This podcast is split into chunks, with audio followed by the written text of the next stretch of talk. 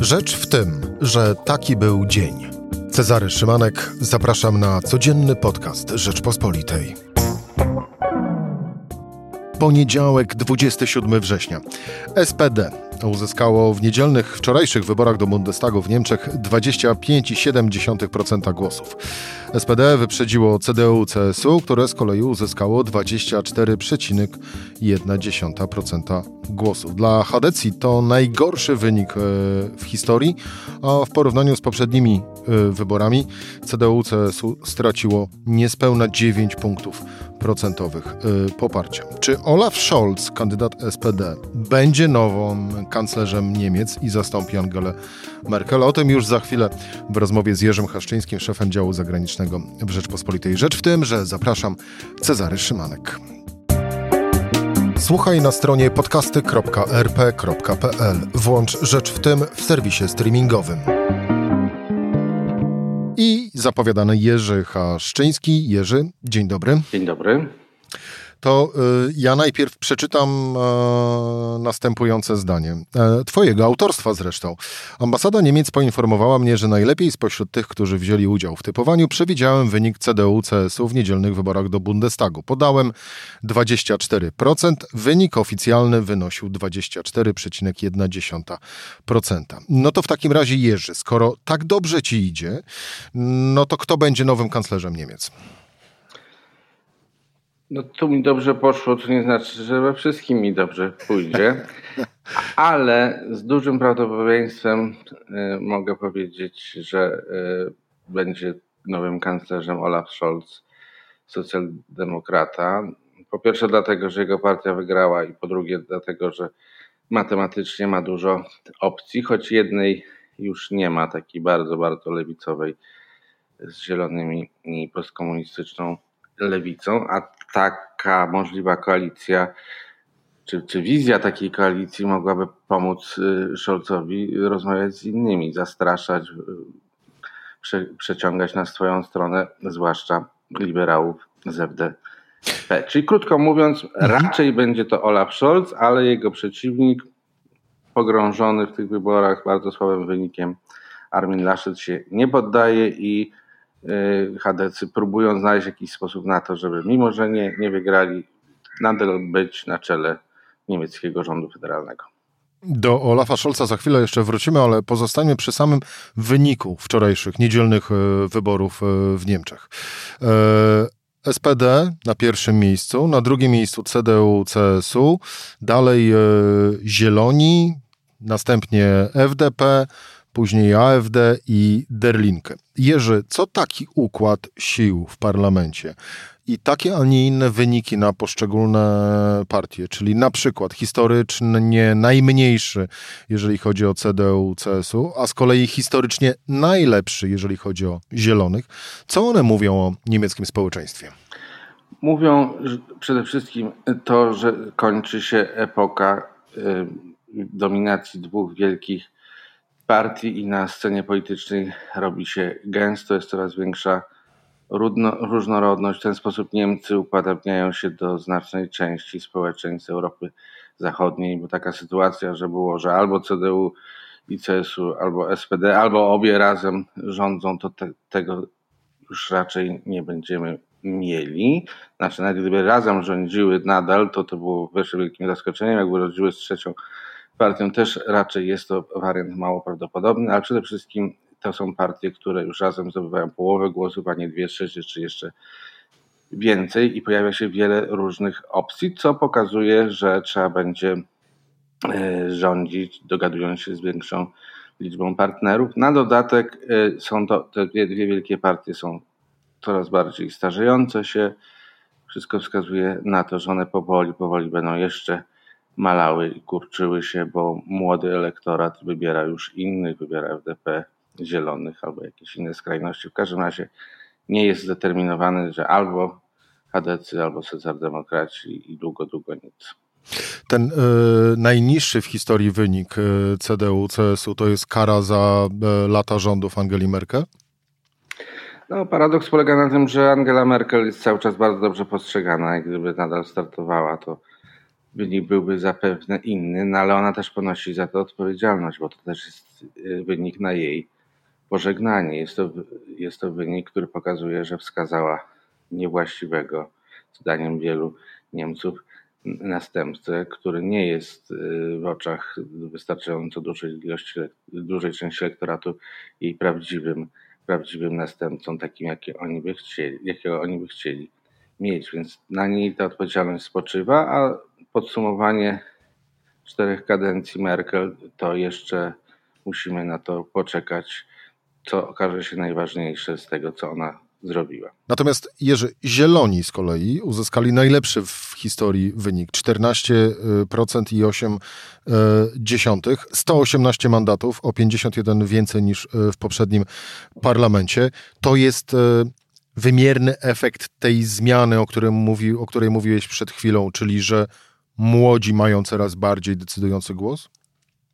Oczywiście tak i to jest też dowód na to, że ekologia stała się tematem e, ogólnoniemieckim, a nawet najważniejszym tematem mm, tej kampanii wyborczej. Natomiast ten ich wynik, z którego oficjalnie się cieszą, no to nie jest taki, jaki oni by chcieli odnieść, biorąc pod uwagę to, że narzucili najważniejszy temat, pracowali nad tym wiele, wiele dekad, a zdobyli 15%, to a mieli jeszcze niedawno w sondażach przewagę nad innymi, mogli marzyć na kanclerzu, więc to jest taka radość z zaciśniętymi zębami, jak sądzę. Ale y, z drugiej strony chyba y, większość jednak zielonych patrzy na to, jak na kolejny etap y, w marszu po władzę w kolejnych wyborach. Pod warunkiem, że tematyka ekologiczna nadal będzie odgrywała taką rolę, a, a ważniejsze jest nawet to, czy, czy nadal zieloni będą z nią identyfikowani, ponieważ wszyscy sobie to wprowadzili, czy prawie wszyscy do programów, to ten, kto będzie y, tę politykę wdrażał, może, może korzystać z tego i w przyszłych wyborach powiedzieć, to ja jestem twórcą niemieckiej polityki ekologicznej, jeżeli będzie trafna. Jerzy, y, czy dywagowanie na temat y, wpływu decyzji Niemców w wyborach na Europę, Unię Europejską, ale również y, i na relacje z Polską. E, możemy teraz już rozpocząć, czy wpierw e, podywagujmy, jaka będzie koalicja, bądź też jaka może być koalicja, bo to de facto od tego później będzie zależeć to, o czym mówiłem przed chwilą. No, właściwie są dwie możliwości. Dwie koalicje są Czyli jednak koalicja. prawdopodobne, chociaż od razu się zastrzegę, mam tu wychodzić za takiego, który dobrze typuje, to może się okazać w listopadzie, że pojawi się jakaś awaryjna koalicja, na przykład znowu ta sama, z którą mieliśmy do czynienia przez ostatnie dwie kadencje CDU, CSU i SPD, tylko w odwrotnej kolejności. A te dwie, które teraz możemy wskazać, e, i to wskazać ze względu na, na wyniki arytmetyka, a także ze względu na deklaracje liderów, to są dwie, w których są dwie małe partie, czy mniejsze partie, Zieloni i Liberalna FDP i na czele jej stoi albo SPD z Olafem Scholzem, albo partia chadeckie z Arminem Laszetem. Czyli krótko mówiąc, dwie partie są stałe, tylko ta duża partia jest yy, niepewna. I... Jak to obstawiasz w takim razie? E, jaka będzie ostatecznie koalicja? No, no ponieważ obstawiłem już Scholza, no to muszę obstawić koalicję SPD Zieloni FDP. Zresztą od, od, obstawiam, ją już, obstawiam ją już przed wyborami w naszym podcaście też tak było. No to jeszcze będę przy tym trwał, zwłaszcza, że mam, mam duże szanse na to, żeby to się sprawdziło, więc po co mam porzucać całkiem niezłego konia. FDP i Zieloni zapowiedzieli e, już, że zanim usiądą do rozmów e, z którąś z tych dwóch dużych partii, to wpierw sami się e, dogadają po to, żeby uzgodnić, no właśnie, listę swoich własnych warunków wejścia w koalicję. Mm, możemy domniemywać, jakie to mogą być punkty brzegowe, czy to jest jeszcze za wcześnie i należy poczekać na bardziej konkretne i jasne deklaracje liderów tych dwóch mniejszych partii? No z grubsza wiadomo, czym one się bardzo różnią, bo Zieloni w sprawach y, socjalnych, społecznych są partią lewicową, a FDP jest partią prawicową, reprezentującą y, średnich i małych przedsiębiorców, a mającą też ambicje reprezentowania wielkiego przemysłu, więc przede wszystkim chodzi o wydanie, wydawanie pieniędzy z kasy państwowej, czyli czy można podwyższyć płacę minimalną. Znaczy na pewno trzeba będzie ją podwyższyć, tylko w jakiej wysokości ona może być. Czy można podwyższać podatki? Oczywiście FDP się na to nie godzi, a Green chcą dla, znaczy Zieloni chcą dla naj, najbogatszych te podatki podnosić. Więc mówimy o sprawach gospodarczo społecznych. A druga rzecz kluczowa, i tutaj wracamy do tego pytania Twojego, czy możemy mówić o sprawach unijnych. No, zieloni są za tym, żeby było więcej Unii w Unii i żeby się dzielić majątkiem z południem, czyli transfery pieniędzy z niemieckiej kasy, żeby nie tylko były jednorazowe teraz z okazji funduszu odbudowy pandemicznego, tylko żeby to był stały proces, jakaś unia fiskalna, wspólne długi i tak dalej, co dla FDP jest absolutnie nie do przyjęcia. No i w tych wszystkich e, będzie musiał pogodzić e, szef SPD i kandydat na kanclerza, czyli Olaf, e, Olaf Scholz. Olaf Scholz w fotelu kanclerza Niemiec, następca Angeli Merkel. Z punktu widzenia Unii Europejskiej oznaczać może i trzy kropki oznaczać może, że, że będzie bliższy, bliższy zielonym, znaczy jego partia zdecydowanie jest bliższa zielonym w tych kwestiach, czyli tak jak użyłem tego określenia, więcej Unii w Unii.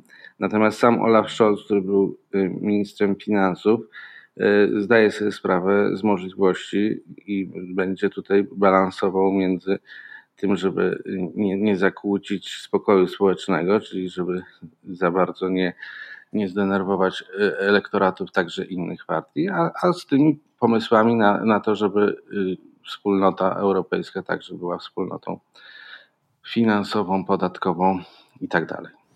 Czyli y, większe zacieśnianie y, więzów w Unii Europejskiej, ale nie aż tak dużym kosztem, jak chcieliby na przykład Zieloni.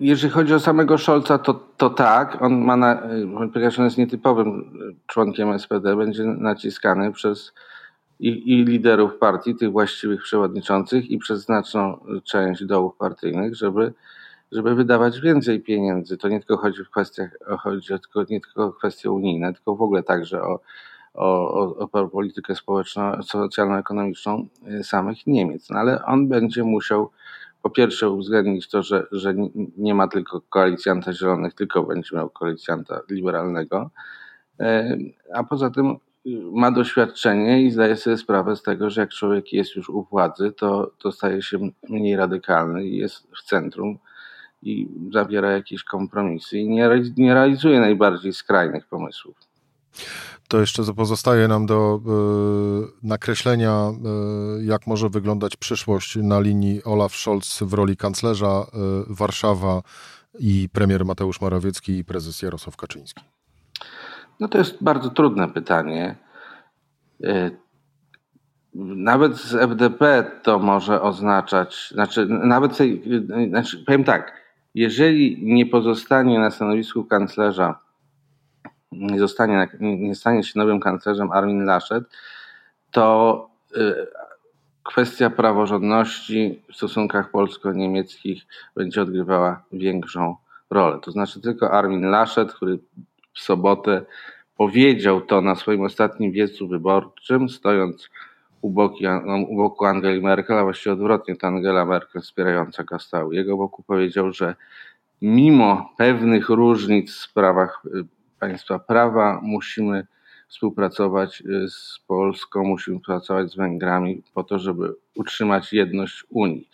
Takiego argumentu, że niezależnie od tego, jakie państwa są, mamy utrzymywać jedność Unii, nie słyszałem z ust polityków SPD ani Zielonych, y, z, ust polityków FDP w ogóle nic na ten temat nie słyszałem, co może moja wina, ale myślę, że, że ta taka koalicja SPD Zieloni FDP jest z punktu widzenia obecnego rządu w Polsce bardziej ryzykowna, chociaż w praktyce to może wyglądać inaczej, ale w tej chwili, y, jakbym miał typować, to ona jest gorsza dla, dla PiSu, ale w polityce zagranicznej różnie bywa. Trzeba przyjąć takie rozwiązanie, jako, jakie jest, i trzeba się do tego dostosować. Nie wiem, czy dyplomacja obecna się potrafi dostosować, czy, czy najważniejsi przywódcy kształtujący politykę zagraniczną są w stanie, ale być może są. No, Morawiecki się jakoś tam dogadywał z Merkel, mimo że Merkel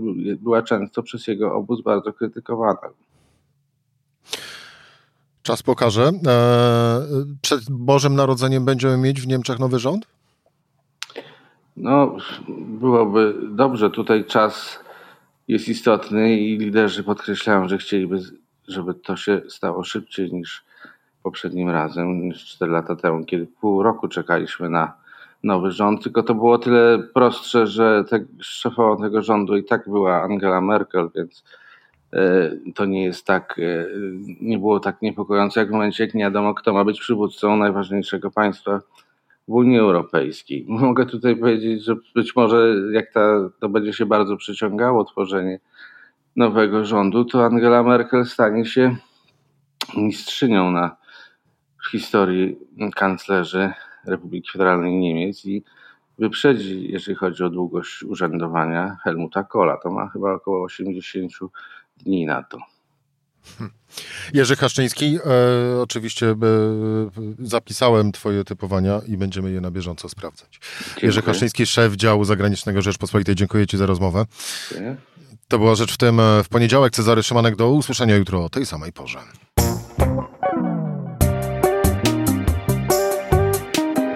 Rzecz w tym to codzienny program Rzeczpospolitej. Od poniedziałku do czwartku o godzinie 17. Słuchaj na stronie podcasty.rp.pl. Włącz Rzecz w tym w serwisie streamingowym.